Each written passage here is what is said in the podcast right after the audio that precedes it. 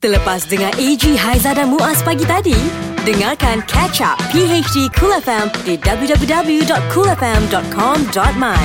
Cool FM, temanmu, Assalamualaikum, selamat pagi. Jangan biarkan hari anda suram. Siapa yang benarkan hari anda suram? Kenapa jadi suram? Macam mana boleh suram? jadi apa kata bangun pagi ni jangan suram-suram. Kita happy-happy, uh, semangat yang positif hari ni. Jangan tunggu lama-lama ambil semangat. Bangun pagi dengarkan kami. PHD Cool FM, pastinya temanmu, muzikmu.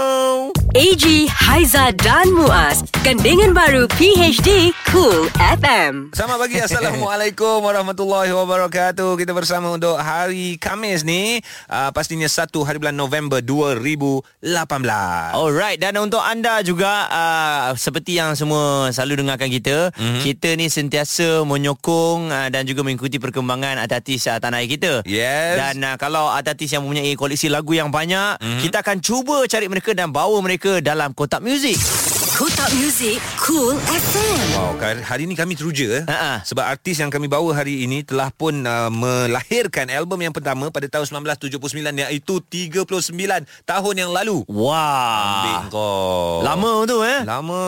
Dan sekarang ni masih lagi aktif? Masih, masih lagi menyanyi? aktif, masih steady nak buat konsert lagi kejap apa tak lama lagi Ha-ha. hujung tahun ni uh, dan artis yang kami masukkan uh, penyanyi yang menyanyikan lagu-lagu ini. Sunyi sepi ada orang Apa nak dikata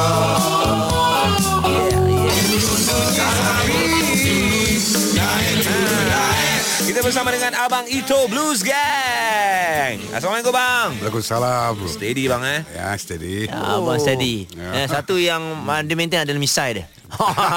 Ini memang image daripada tahun Ah, 1979 ke bang? Ah, Lebih kurang macam inilah. Memang, memang tak benar abang misalnya dia potong. Maksudnya tak ada ada, langsung. ada ada juga. Tapi Ada. tapi tak boleh dia kenal misalnya kita orang, orang tak kenal. Memang Abang Z nampak nampak terkejut lah dekat cermin kan. betul betul. Okey Abang Ito. Ya, uh, Selamat datang ke Cool FM Bersama AG dan juga Muaz. Terima kasih banyak-banyak. Ah, terima kasih banyak pada Cool Cool FM eh. dalam kesibukan tu datang. Tapi nak tanyalah Memang uh, Seawalnya Ya. Suka-suka nyanyi 1974 74 ah ya Lebih kurang macam tu lah Hmm. First ya. album 1979 79 ya Itu seorang ke Memang dah ada blues gang Saya mula-mula start first album dah dengan Blues Gang lah. Ah, 79 tu memang dengan Blues Gang. lah. Ya. Kiranya macam mana abang berjumpa dengan anggota kumpulan blues gang lain ni? Satu Ah, gang, okey, satu okey. jamming ke? Kita tak lari lagi bang Ah, okey, cerita dia lebih kurang macam ni lah. Kali short ah. Ha-ha. Masa itu saya saya baru habis belajar daripada ITM. Ha-ha. Saya bekerja di Pahang sekejap. Ha-ha. Dengan uh, lori Malaysia kalau tak silap saya. Okey. Ya, lori Malaysia dan setahun lepas tu saya pergi KL dan saya dengar ada satu blues band main dekat Damansara. Mm-hmm. Pergi tengok dia main uh, minat jumpa dia orang apa dan terus Blues terus ni genre music kan genre muzik uh, genre muzik So Yes, ah. blues gang memang membawa genre blues ke macam mana? Ah tidak juga. Kalau ikutkan blues dia campur dengan rock and roll sekali. Ada juga yang ada macam lagu-lagu yang ada kemelayuan pun ada. Mm. Tapi oleh kerana nama dia blues gang jadi Yes. orang ambil as blues je lah. Yalah, orang dah apa register dia lagu Register blues. blues. Hmm. ya. Betul, Ya. Kan Habis masa abang buat pemilihan nama kumpulan tu uh, Kan blues gang tu Ada kan abang sendiri ke Atau ada orang Ah, bagi Memang nama tu dah ada masa masa saya join tu grup tu dah ada. Oh. Ah, grup tu dah dah ada daripada Johor. Ha-ha. Tiga orang ya. Ah, drummer dia Karim, Sheikh Karim, bassist dia sekarang ni dah mendiang dah. Jim Manasami dan juga gitaris Mat Ahmad Abdullah. Okey. Tiga orang ni tadi. Jadi masa itu belum ada album lagi. Kita main dalam Sara dan setahun lepas tu first album lah in English. First album is in English yes. Dengan Warner Music tahun 79. Oh, album English yang pertama Ya, full. ya. Full full semua English ya. Anytime any day nama nama album dia. Fuh. Lagi nak minta abang nyanyi sikit lah. Anytime Any day Oh, dengar suara abang ni rasa macam nak cakap macam uh, brother-brother blues. Tak, tapi kalau kalau kita buat macam buat-buat. Tapi brother, itu lain. Ah. Itu cakap pun nama macam tu. Itulah dia. Cool FM, temanmu, temanmu, muzikmu. Mak Siti, saya sayang anak Mak Cip. Mendengarkan kami di PhD Cool FM. Kotak Muzik Cool FM. Okey, tapi kalau orang yang mengikuti Blues Gang ni mm-hmm. bila dengar tadi macam bukan suara abang itu eh. Uh, ada lagu yang ada ada suara macam bukan. Ya, ya, ha, betul. mungkin boleh kongsikan. Ah, yes, uh, yang yang tadi itu Karim, Sheikh Karim. Mm-mm. Jadi Karim ni sebenarnya main main drum. Mm-mm. Uh, jadi bila dia nyanyi main drum dia susah sikit lah. Ha-ha. Jadi itu sebab dia cari uh, lead singer lah. Oh. Front, front line kan. Dan jumpa abang itu. Ah, dan jumpa saya oh. situ. Ada orang cakap itu ni uh, apa Gary Moore Malaysia. Ah. Very mo-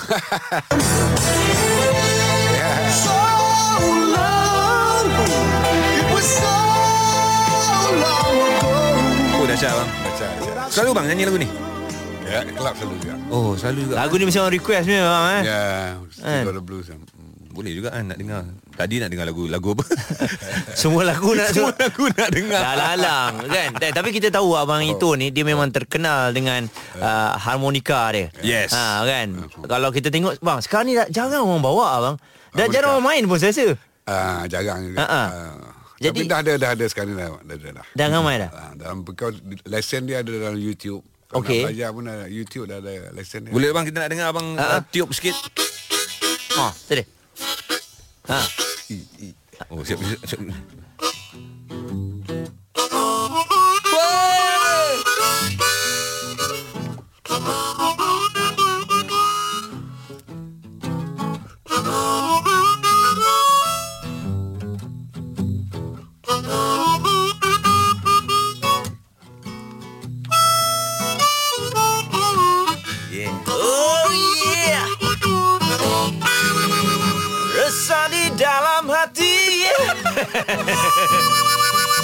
Sama sama Mas, sama Mas. Siapa? Bila ku bangun pagi. Melihat mentari. Oh yeah. Tak gosok gigi. Baru ku sedari Rupanya dah 10 pagi Oh, oh, oh yeah, yeah, yeah.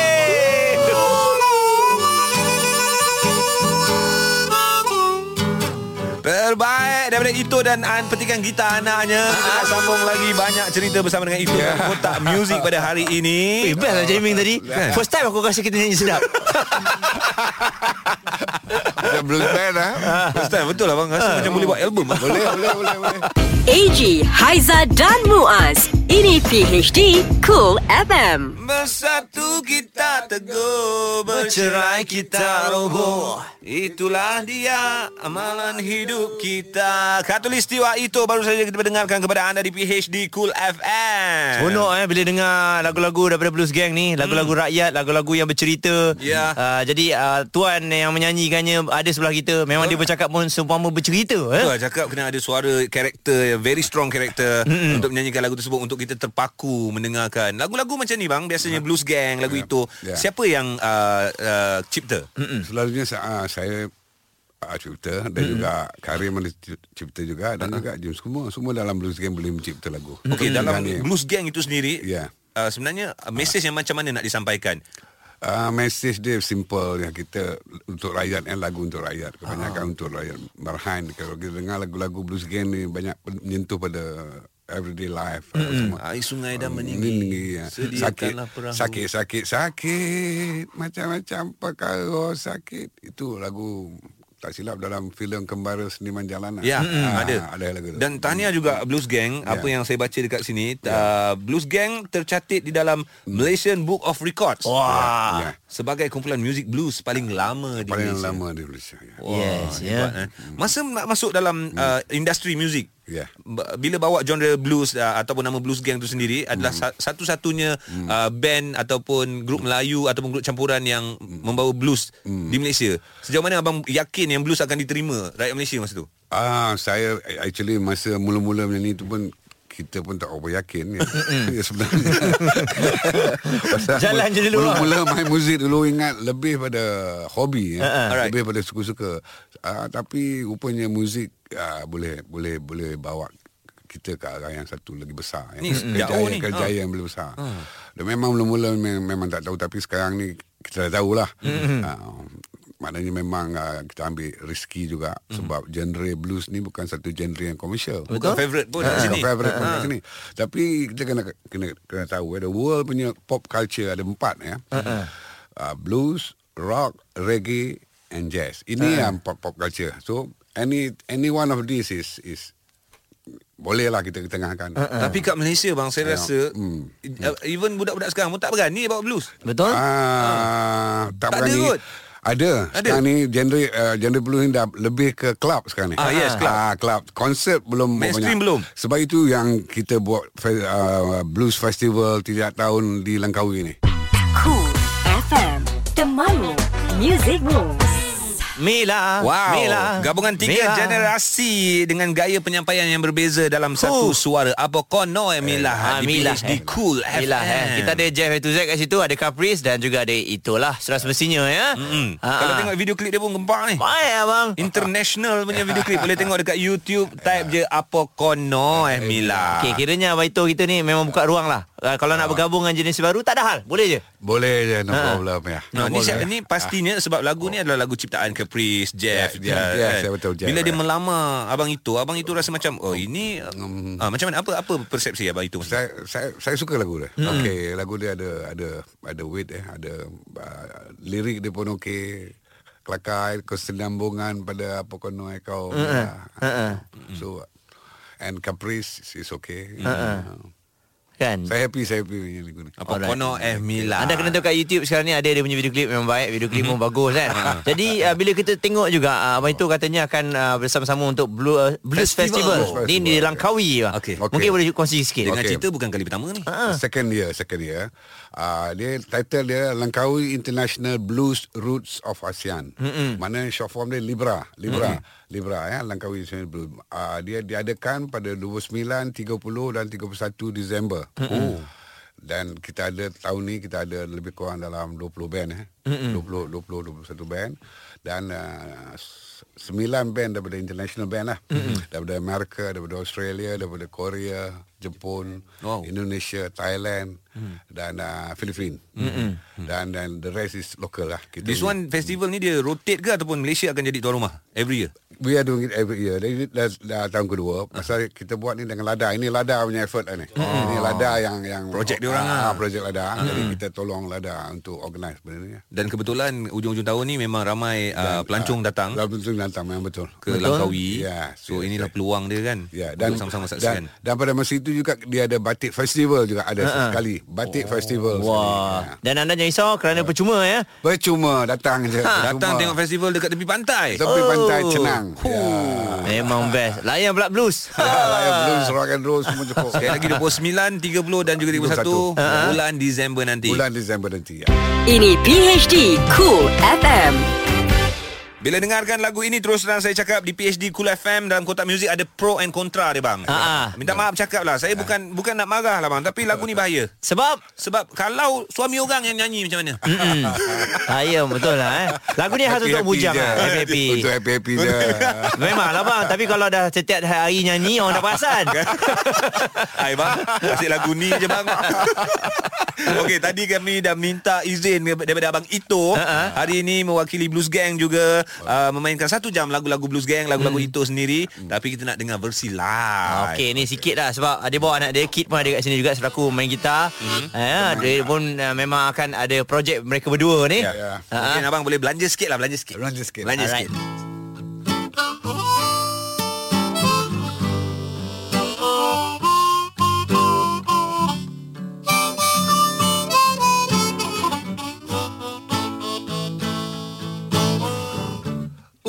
Ulu gombak sungainya jernih Alang sedayu tempat bersantai.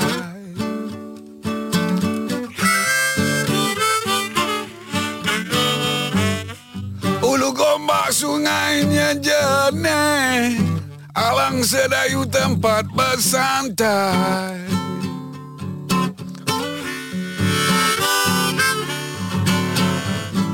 Dari kecil dipupuk kasih Hingga menjadi si bijak pandai. Oh, si bijak pandai. Hmm. Pohon kelapa di hujung pagar. Jadikan pula batu sempadan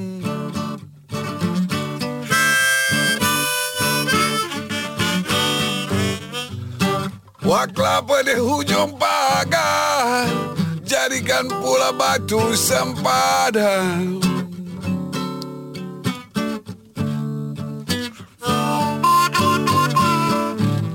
Bangsaku rajin ingin belajar. Hingga kan boleh sampai ke bulan. Oh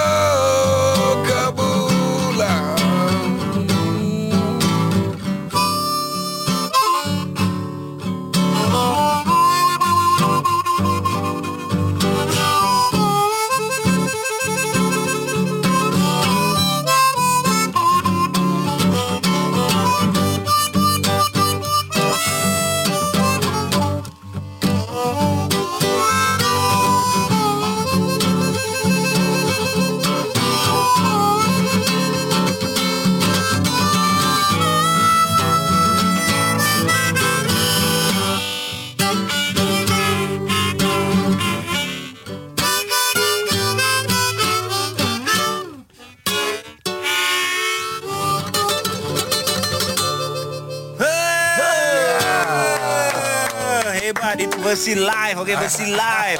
Tajuk dia Blues Pantun. Blues Pantun. Blues Pantun. Anak Ada beranak pantun, punya geng ni. Oh dahsyat. Lah macam. Bila abang hitung anak dia Nyanyi main muzik ni Macam nak campur je. Tapi kita tahu Kita punya suara Eh, tak nanti, sedap. nanti kejap kita buat video. Kena, kita kena ni. Okey kita try ni. Boy bukan tak sama pun. Cool FM Temanmu.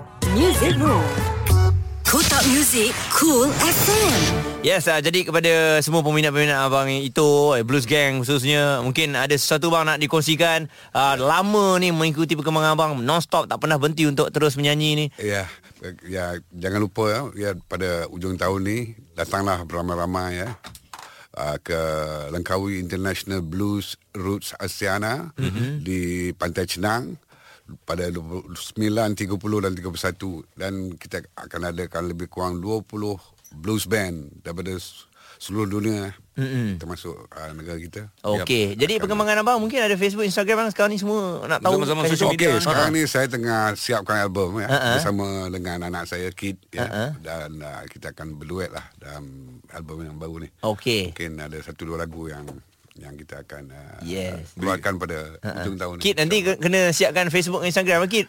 Eh semua orang nak tahu eh. Ya. Tapi sekarang kita nak push itosmusic.com Ha ah. Untuk Langkawi International Blues and Root Libra Music Festival tu Uh-uh. You guys boleh check itosmusic.com So All the details of Dia punya artis Semua ada kat situ. Semua ada kat situ. Itosmusic.com Itosmusic.com kami akan update Ah okey, Okey, website lah. Kami pun dah uh, tak sabar sebenarnya untuk melihat gabungan anak beranak ni. Yes, yes, yes. Ah, bapa dan juga anak tak lama lagi insya-Allah all the best kepada okay. Abah itu. Kasih. Tahniah Abah itu sudah lama berada dalam industri. All the best kepada kita. so much, Ya. eh. No problem. Dan yang pasti abang itu juga tidak terkecuali kita akan uh, orang cakap tu tangkap abang itu mm-hmm. dan kita akan letakkan dia di dalam bilik gelap. Itu semua akan berlaku di Facebook uh, Cool FM ya. Okey, jadi anda kena tengok YouTube juga, kat YouTube Cool TV. Ah, kami akan masukkan dia dan kami akan buat sesuatu.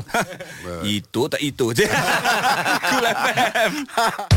Ini PHD Cool FM bersama AG, Haiza dan Muaz 5 yang trending dalam PHD Cool FM hari ini Okey, kita akan mulakan apa yang trendingnya.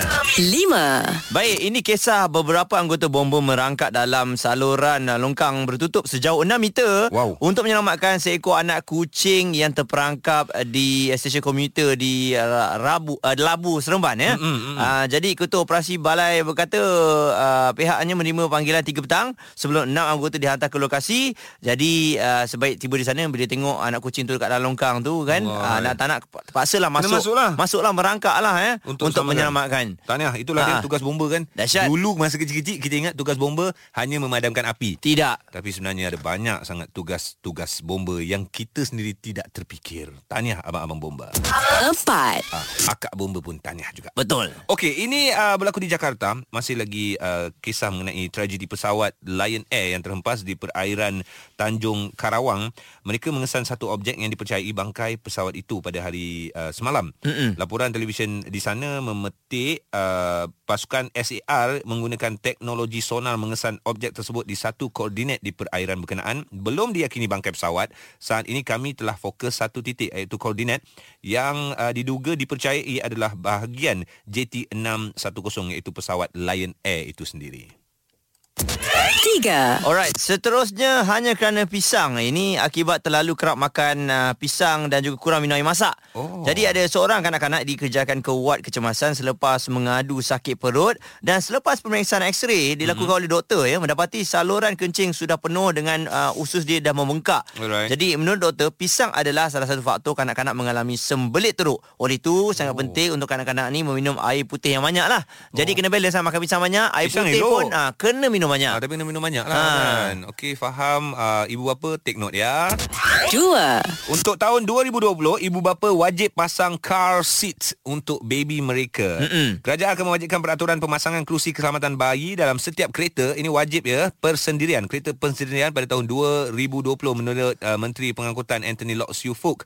Beliau berkata sebelum ia dilaksanakan secara mandatory, pihaknya akan menjalankan beberapa program kesedaran tentang kepentingan kerusi keselamatan keselamatan bayi kepada orang ramai sepanjang tahun 2019. Kita dengar 2020 macam jauh lagi. Betul. Tapi dua bulan saja lagi kita akan memasuki tahun 2019. Ha-ha. Jadi uh, pro- proses kesedaran itu akan dilancarkan sepanjang tahun 2019 Okey. dan 2020 ibu bapa wajib pasang car seat untuk anak kecil.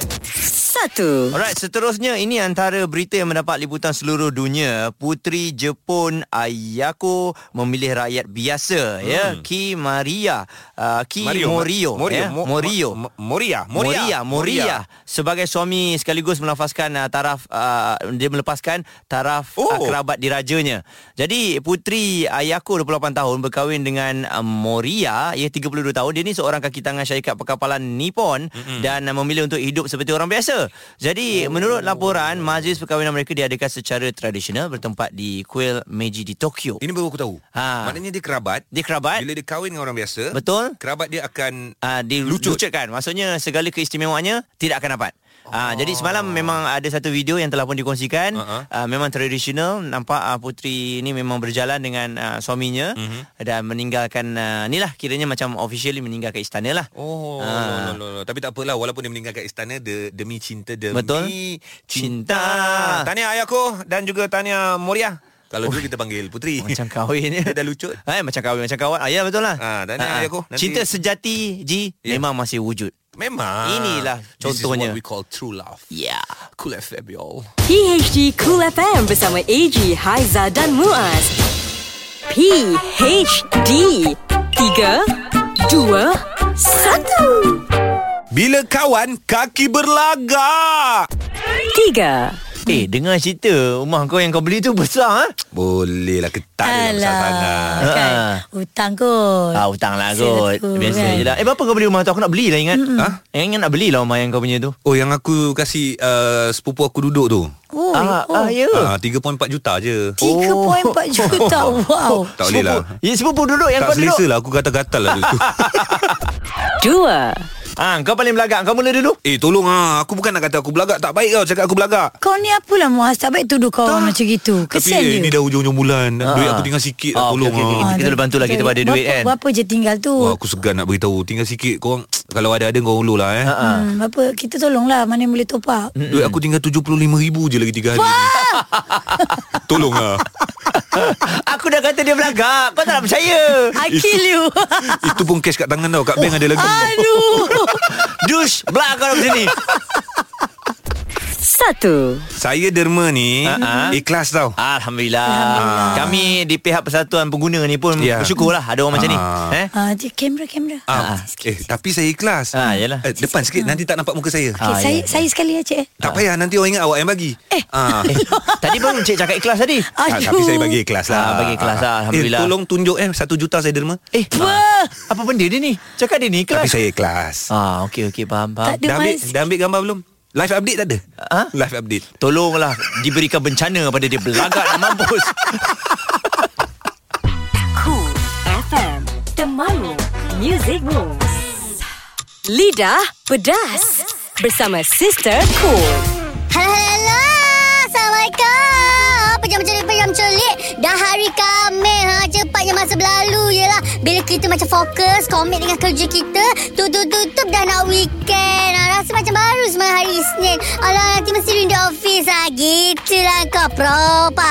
Dan hari ni saya suka nak bakal cerita mengenai seorang selebriti ni yang dikatakan macam ada sedikit masalah dengan suami. Kata Ceritanya suami dia dah buat hal tet tet tet. Tanda soal okey. Sister pun tak tahu. Itu tanda soal. Itu yang orang cakap lah. Bila sister scroll scroll ke IG tengok eh haa lah dia dah delete semua gambar husband dia. Tak ada satu pun gambar husband dia. Mana gambar husband dia? Takkan gambar dia ada dalam phone sister eh? Dah kenapa sister ku nak simpan gambar husband orang? Nak kena simbah cat merah ke kereta tu? Ha apa-apa pun sister doakan kepada selebriti tersebut. Diberi kekuatan dan tabah menghadapi dugaan demi anak okey? Jangan cepat putus asa. Jangan percaya kata-kata orang luar. Kalau si suami ni pula kalau betul buat hal hmm, tak tahulah nak cakap apa. Biar Tuhan yang balas. Kalau tak buat hal dan itu adalah fitnah semata-mata sister doakan hubungan perkahwinan korang kekal sampai jannah okey? Okeylah sister ada kerja sikit. Yelah besok dah Jumaat. Banyak sikit kerja ya all. Bye! Ini PHD Cool FM. Okey, jadi untuk anda semua yang baru saja bangun pagi, terima kasih Ya. banyak bersama dengan kami berdua. Uh, kita dah masuk hari Khamis hari ini. Betul. Alhamdulillah dan juga bulan yang baru. 1 November 2018 Happy birthday kepada anda yang meraihkan pada hari ini uh, Semoga panjang umur Murah rezeki Terus dikurniakan kesihatan InsyaAllah amin Alright, jadi uh, semalam juga ada beberapa berita yang telah pun keluar dan mendapat respon yang ramai. Okey. Ya, uh, kisah mengenai uh, kenaikan caj perkhidmatan gas ke rumah. Oh kita baru beritahu semalam kan? Kan. Uh-huh. Jadi uh, hari ini telah dikeluarkan kenyataan Oleh kerana mengambil uh, maklum balas oleh orang ramai. Okey. Nampaknya Petronas Dagang Berhad uh, Melalui Facebook rasminya mengumumkan Tiada kenaikan harga Akan dikenakan terhadap perkhidmatan gas uh, Untuk home uh, delivery ni. Oh, cancel? Cancel pula. Uh, Balik harga asal lah ni? Balik harga asal ah, ya. Makcik. Ha-ha. Makcik Dah boleh telefon balik makcik Dah boleh telefon balik. Semalam kita cakap Jangan terkejut kan? Ha. Kalau datang bil harga lain Nah ini tak. Ah, Makcik hari ni harga sama. Harga Ataupun Eh tak tahu pun naik harga? Ah, ah. Oh, Makcik oh. tak sempat dengar semalam. Macam apa? Pasal petrol apa ni? Eh tak, tak apa makcik Tak sempat dengar semalam Tak apa. Ah, Kita tak apa. maafkan. Jadi hari ni makcik buat tak tahu je harga tu Ah, ah. Sebab balik kepada harga normal ya.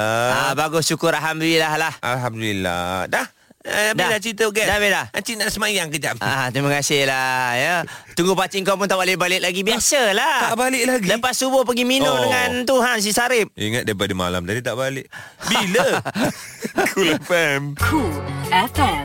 Temanmu. Music Room. Pagi-pagi ni boleh nampak pelangi tak? Ah, Kalau nasib baik nampak lah ya Ha, Ah, ah. Sebab pelangi ni muncul apabila ada uh, apa uh, air, Yes percikan air Ha, ha. dan juga sinaran uh, mentari. Yes Itu Jadi yang timbulnya pelangi. sebab tu kalau masa kita kecil-kecil pun dulu Ada dalam sains Cikgu ada ajar macam mana nak buat pelangi Betul. Buat pelangi sendiri Ingat lagi tak? Tapi kenapa tak boleh tunjuk pelangi? Ah, Dulu-dulu lah Dulu-dulu jangan jangan tunjuk Jangan di dia tangan kudung. Kudung kan Ha. Ah, Mungkin tak tahulah Mesti tapi mesti ada sebabnya Lepas tu Kenapa orang tu kata Lepas tu kita takut. Jangan tunjuk Semua macam uh, uh, Apa tu uh, uh, Dah, dah. Lepas tu sekarang ni kalau nampak pelangi Mungkin boleh selfie Ha, Dalam gambar mungkin boleh nampak pelangi Okey, tak salah pun kalau nak selfie nampak pelangi. Hmm. Ya. Ya, tapi kalau anda nak bersuah foto ni Mhm. melibatkan tempat-tempat yang berbahaya, tidak digalakkan sebab sebelum ni ada satu cerita kisah nak selfie akhirnya jatuh daripada bangunan. Allah hai. Dan uh, trending juga semalam ada kisah mengenai gara-gara nak selfie ekstrim ni, Aha. uh, sepasang uh, kekasih telah pun uh, mount ya oleh kerana dia ni memang mencari tempat-tempat yang ekstrim bahaya untuk nak bersuah foto ni lah. Okey Jadi uh, dikatakan uh, pasangan ini uh, telah pun pergi ke satu destinasi pelancongan popular di Amerika Syarikat. Jadi uh, mereka dilaporkan terjatuh dari ketinggian 245 meter di bawah Tough Point uh, di mana pelawat sendiri pun tak dibenarkan untuk berjalan kat situ sebenarnya. Oh, Ah. ah. tapi dia, dia lepas je lah. Kadang-kadang orang nak selfie ni dia boleh buat apa je. Dia buat je orang tak orang tak tengok 24 jam kan. Sebab dia nak tengok hasil selepas bergambar. Tak kat mana tough point. Tough Point. Tough point, tough point, Ha. tough point. Oh, sini. Macam mana teruk Haji? Dalam dia, tak? dia lereng, lereng gunung. Lereng gunung Lereng ya. gunung dia dekat ujung tu. Ni ke yang rambut pink ni ke? Ah, yes. Oh. Jadi bagaimana uh, orang bertemu ataupun menjumpai mayat mereka ni Ha-ha. uh, kerana ada yang berjalan di situ tiba-tiba ternampak tripod. Ada tripod Oh, je tripod. tapi tak ada orang. Ha, Ah. jadi dari situ mereka buat siasatan dan akhirnya uh, ranger di sana telah pun menemui pasangan kekasih ini yang maut ha, dan dipercayai akab, uh, akibat daripada nak ni lah selfie Nak ekstrim ni. Aduh, mungkin ni lah sebab masa nak selfie dia berdua je. Ha-ha. Salah seorang ini tak tahulah tergelincir seorang lagi nak tolong ke Betul. kan sampai kan mengakibatkan kedua-dua mereka maut. Ingat ya, kalau nak bersuah foto uh, pastikan tempat tu selamat. Nak Betul. bersuah foto seorang-seorang pun pastikan kalau anda ada ghostan-ghostan ke belakang tu kereta lalu ke tidak ke kena check. Ah, uh, ya kalau uh, nampak yang paling bahaya pun alah setakat like ke. Bukan Ah. boleh buat apa-apa, bukan Betul. kenyang pun. Paling tak pun belajar komputer lebih. Ha-ha. Ambil gambar green Ha. screen. Yes, letak, edit. tampal. Edit. Letak je belakang apa-apa. Cukup. Ha. So tak payah nak pening-pening kepala, tak payah nak merisikokan diri ya. Settle. Cool FM. Ini PHD Cool FM bersama AG, Haiza dan Muaz. Bersama untuk hari Khamis 1 hari bulan November 2018 sudah masuk tahun baru belum? Belum. Itu uh, itu adalah persoalan sudah masuk tahun baru? Belum, belum. Bulan baru? Sudah. Sudah, sudah, sudah. Tarikh baru? Sudah. Sudah. Hari baru? Sudah. Jadi tinggal 2 bulan saja lagi untuk kita menjangkau ke tahun baru ya. Okey, jadi uh, untuk anda semua pagi-pagi ni kalau anda dengarkan PhD kan memang kita kongsikan berita-berita trending seluruh dunia lah. Ya, betul. Jadi ada lagi satu kisah ni boleh dijadikan iktibar juga Hmm. untuk anda yang ada sunroof di kereta. Okey, ah, yang, boleh terbuka kat atas tu. Ah, ah, selalunya yang kat sunroof siapa Haji? Budak-budak lah Ah, ha, so- Budak-budak Mak budak jarang lah Mak budak jarang kat Mak sunroof budak kena barang bapak. Eh apa awak ni maknya? Sunroof bahaya tu sebenarnya Bahaya. Ni apa jadi ni? Ni oleh kerana ada seorang kanak-kanak umurnya 13 tahun. Dia 13. terlampau teruja sangat. Form 1 lah kat sini Form 1 Ha. sebab ada sunroof jadi dia keluarkan kepala. Okey. Jadi uh, tak perasan apabila uh, keluarganya Ah, ah, bawa ah. kereta tu dia terlanggar pula uh, palang besi. Aduh. Palang besi yang selalunya kalau nak masuk kat dalam jalan tu uh, tinggi ni saja. Aha. Kan palang besi tu kan memang keras kan. Tinggi lah ni kereta besar ni Kereta dia kereta nampaknya kereta sedan je tapi dia Oh, punya dia palang berdiri? dia berdiri satu palang besi tu tak tinggi. Oh. Maksudnya memang ngam-ngam je untuk kereta sedan ni lah. Ya Dan uh, akibat daripada situ ya uh, remaja lelaki tersebut uh, telah pun mati secara mengejut Maut? lah. Maut lah. Kan jadi itulah dia oleh kerana kisah uh, yang kita nampak keterujaan Ha-ha. tapi kalau tak berhati-hati boleh mengundang kepada kecelakaan lah. Ini uh, viral kisah macam seorang wanita yang dia keluarkan kepala tergantuk dekat signboard tu sama juga maut juga. Ah itu sebab Kan? dia menyanyi kan. Ah dia menyanyi dia Ha. excited terlalu teruja ya. Betul, orang betul. tua-tua cakap suka jangan suka sangat. Ha. Nanti menangis. Yes. Ada betul ni cakap orang tua-tua ni. Okey, jadi cerita ni kita jadikan iktibar lah untuk anda semua. Ya. Daripada ada sunroof tu, uh, tengok-tengok lah. Hati-hati lah eh. Enjoy-enjoy juga musim-musim cuti sekolah ni. Ha-ha. Ibu apa kena pantau lah ya. satu ni sekarang tengah hujan Oh, ya. Kayu-kayu eh, Bahaya lah bahaya Kalau Okey. boleh tak payahlah eh? Kita harapkan perkara begini tidak berlaku lagi uh, terutama di dalam negara kita Malaysia. Terus dengar kami di Cool FM. Cool FM, temanmu, temanmu. muzikmu. Hai, selamat pagi semua. Selamat memandu dan selamat mendengarkan kami pagi hari di Cool FM. Alright, uh, untuk anda semua juga ya pagi-pagi ni cuba tengok-tengok sikit kat luar rumah tu. Kenapa? Ada tak tempat-tempat yang bertakung airnya? Uh, ada. Tu botol mineral Botol mineral buang tu Siapa punya botol Buang mineral tu lah. Tu apa benda tempat seat motor dah ada tempat air bertakung? Seat motor Terkoyak kucing cakar ha, Yang tu sila tukar bang eh Ah. Sebab itu semua boleh membiarkan apa nyamuk Aedes ni Ui bahaya Ah, jadi kita tahu sekarang dalam masa musim tengkujuh. Ya. Ah, jadi telah pun dikeluarkan oleh Kementerian Kesihatan hmm. katanya kena bersihkan kawasan sekitar rumah. Setuju. Kerana kita takut uh, denggi ya, kes-kes denggi ni akan meningkat semula Mm-mm. sebab uh, kita menyediakan ruang untuk nyamuk Aedes ni ada. Membiak kan Ah, membiak kita sendiri tak nak bersihkan rumah asyik nak mengharapkan orang datang Jangan je. salahkan nyamuk ya. Nyamuk Yes. memang tengah cari pot Ah. Tiba-tiba Eh ada pot Yes. Jom kawan-kawan Kat situ kan Ah. uh, So berhati-hati Sebab denggi ni adalah Satu penyakit yang sangat-sangat berbahaya Betul, ya. Boleh mendatangkan risiko yang sangat tinggi Sehingga risiko Menyebabkan kematian So Hmm. kita sama-sama mencegah Sebelum kita uh, merawat Eloklah orang kata tu Lebih baik kita mencegah Daripada merawat Sebab merawat tu dah ada Oh, penyakitnya sakit. oh, Ah, Sangat-sangat berbahaya Jadi ya ni aktiviti dengan anak ni Ji Nak cuti sekolah pun Ah. Cantik juga ni Bersihkan Betul. rumah royong kan? Si abangnya bersihkan ni Si adiknya pergi tanam ni Hmm. Bagus Kalau kita tak buat No tak tahu Tapi sebelum uh, cuti sekolah Buat dulu lah Ha, buat dulu lah. Nanti nak tunggu cuti sekolah tu Oh dah kena pula Dah eh? kena pula. ha, Bapak sebagai contoh bapak Ah, tunjuk tunjuk Abang contoh. buat dulu Ah, mak boleh relax-relax main phone. Ah. Mak masak ah, Mak masak ah. Masak Dah habis gotong royong Ah, ah. Boleh makan cekodok Ha, cantik. Keluarga bahagia. So ingat sekali lagi Ramai-ramai kita menggotong royongkan Kawasan rumah kita sendiri terlebih dahulu Okay Alright PHD Cool FM bersama AG, Haiza dan Muaz. Untuk anda yang berada di Kedah boleh dengarkan kami 107.3 FM. Ya. Terima kasih banyak-banyaklah Muaz Eji teman anda pagi ni. Hari Khamis, esok Jumaat, Sabtu, Ahad, Isnin InsyaAllah kami akan kembali bertiga semula uh, Complete each other AJ Haizal dan juga Muaz ya. Yes Dan uh, untuk anda semua kan uh, Sekarang ni Jangan lupa jugalah Untuk kita log out Facebook apa semua Okey. Instagram semua Okey. Sebab takut kena hijack dengan kawan-kawan Ah, kan? Ah, Kadang-kadang kita terlupa Kita pinjam PC orang Mhm. Kita pergi buka Facebook Ah. Lepas tu selalunya Confirm kita akan lupa nak log out Eh, aku pernah ada pengalaman Ha. yang uh, kawan-kawan lupa nak log out. Ha. Datang kawan lain dia buat caption Ha-ha. gaduh. Tu pasal Gaduh kau-kau punya gaduh. Yes Kita ingat dahsyat, macam oh. Kita ingat macam gurau kan, Kan. Tak boleh babe Gaduh, memang Ah, gaduh. eh. Gaduh habis kan dah lah Uh, okey tapi Tak sama macam dulu Kenangan itu terpalit lah. Ah, oh, betul je. alamak dahsyat. Statement ni pun eh aku tak boleh nak kongsi. Siapa ni kawan betul ke Kawan-kawan betul, kawan betul, kawan Oh betul. man Ah, pernah berlaku. Eh, tak apalah, tak apalah. Nanti kalau cerita orang kenal semua. Cool FM Temanmu Music Moves AJ dan juga Muaz PhD Cool FM Hai Hari ni dah 1 November tau Jangan buat-buat lupa 2018 Hari Khamis Okey, jadi uh, untuk anda semua nak bagi tahu juga hmm. uh, selalu kalau kita tengok ratu cantik eh Ah. melibatkan manusia betul nama pun ratu cantik. Ratu cantik of course Tapi pernah dengar tak menges, uh, kisah mengenai ratu unta? Ratu unta Ah, Ratu Jamal ratu Jamal Ah, apa? da, ba, Dalam bahasa Arab Ha ah. Jamal is unta Ya, ya, ya, ya, ya, betul, betul, ya. Ratu camel ya Ratu Camel. Ha. Tapi sebenarnya tahukah anda Ratu Unta ini menawarkan hadiah yang sangat lumayan. Ha. Lebih kurang dalam 133 juta ringgit. Apa terkemut? Terkejut, terkejut. terkejut, terkejut. Kepala Ya. unta betul Memang betul. Uh, jadi kalau uh, unta-unta yang nak masuk ni bukan unta biasa ji. Ha. Bukan unta-unta padang pasir tu kita boleh ambil. Jadi unta mana? Jadi dia ada beberapa uh, yang dicari lah ya. Ha. Antaranya keindahan rupa bentuk bonggol. Bonggol orang atas dia tu Ah, tapi Okey. bonggol kena ada satu je. Oh satu tak boleh dua Tak boleh dua. Okey. Ah, lepas tu bibir yang menawan. Bibir unta Ah, dan juga leher. Yang jinjang Ah, yang jinjang. Ah, betul. lah.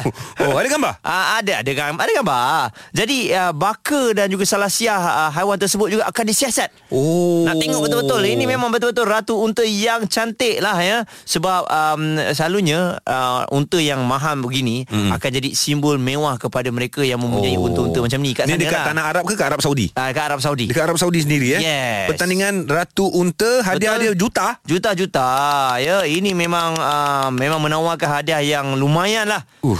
Kan Jadi Juta, eh? Kalau orang nak ada unta tu Aha. Bermakna memang kena orang kaya lah. Sebab unta yang mahal kan. Betul lah. Sebab kalau kat sini pun Kita buat pertandingan serama pun Nak serama yang cantik. Betul yang dijaga rapi. Ah, yang dijaga rapi. Hmm. Dari segi kulit dia. Yes. Uh, Tinggi dia. Ha-ha. Berat badan dia. Ya betul. Oh unta eh. Jangan tak tahu eh. Kita selama ni tengok unta macam Sama je unta. Ha. ah, Rupa-rupanya ada yang satu bonggol Yang Dua leher dia bonggol jinjang Yang bah- bahaya bonggol di hadapan kan. So okey lah Itu langgar. uh, Antara kelebihan-kelebihan uh, Kalau kita pergi ke tempat orang. Ya, betul. Ah, Macam-macam yang dapat kita saksikan. Ini PHD Cool FM Dua bulan lagi menjelang tahun 2019 Selamat pagi semua di PhD Cool FM Baik uh, untuk anda yang minat dengan bola sepak Ya. jangan lupa uh, Malaysia akan uh, sekali lagi ya uh, bertanding dan juga akan memberi yang terbaik untuk Piala Suzuki yang bakal berlangsung uh, bermula bulan inilah. Kita dalam Piala Suzuki Power Ah, kan? Pernah jadi juara Memberikan tentangan yang sengit Pernah kena Belasah juga kan? Biasalah bola Biasalah sepak. bola sepak Tapi sejauh mana hala tuju bola sepak kita itu yang sering kali kita nak tahu je Okey eh. okey setiap masa pasti ada perubahan Ha-ha. uh, untuk menaik uh, kualiti Betul. sukan bola sepak dalam negara kita Malaysia. Ha okey jadi uh, paling terbaru Persatuan Bola Sepak Malaysia FAM uh, melancarkan peta hala tuju ataupun Peta? roadmap FAM Oh. yang diberi nama F30 dalam misi menjadi 5 negara terbaik Asia menjelang 2030. Wow. 2030 eh. 20 30. Itu target dia 5 uh, negara terbaik Asia. Ada lebih kurang 12 tahun lagi? Yes. Okey, okey. Okey, jadi uh, kita harapkan uh, dia kata pe, pembangunan modal insan akan uh, dipertingkatkan, infrastruktur juga akan uh, diberikan yang terbaik ya. Jadi Mhm. mm-hmm. um, setiap fasa ini kan akan uh, dibuat dan juga ada targetnya tersendiri. Ya. Jadi uh, kita harapkan kalau dapat sebelum lagi bagus. Lagi cantik. Lagi cantik kan. kan? Dia punya proses, dia punya target tu ada. Tapi kalau dapat sebelum, lagi cuna. Lagi cuna. InsyaAllah, mana tahu akan datang. Kita doakan juga sama ada kita sempat ataupun tidak akan datang. Malaysia dapat beraksi di pentas Piala Dunia. Betul tak sabar nak tengok. Eh harap-harap kita sempat lah tengok Ji. Itulah, amin, amin. Ya Rabbal Rabbil Alamin. Macam tak sempat je. Cool FM Temanmu Music Room Selamat pagi anda yang berada di Pulau Pinang 90.2 FM. Ya, juga mungkin baru sampai Kota Baru. Boleh Ya. dengarkan kami 88.6 FM. Dan tak kira di mana anda berada Mungkin nak datang ke Kuala Lumpur Untuk menyaksikan GP agaknya Hati-hati Ha. jalan raya Abang-abang berada-berada motor Bawa motor tu hati-hati Betul. Yang nak corner Main-main corner tu apa semua uh, Be careful bro Be careful ya Yeah, dalam keterujaan kita ni kadang-kadang kena beringat juga eh. Beringat, berhati-hati Dalam keterujaan Keseronokan dengan kawan-kawan Semua Ha. kan So kita nak enjoy Sambil beringat Yes, ja. Jadi untuk anda selepas ini akan bersama dengan Ria. Ui. Muas, muas, muas Kita blues Kita blues. Ini bukan genre kita. Aduh.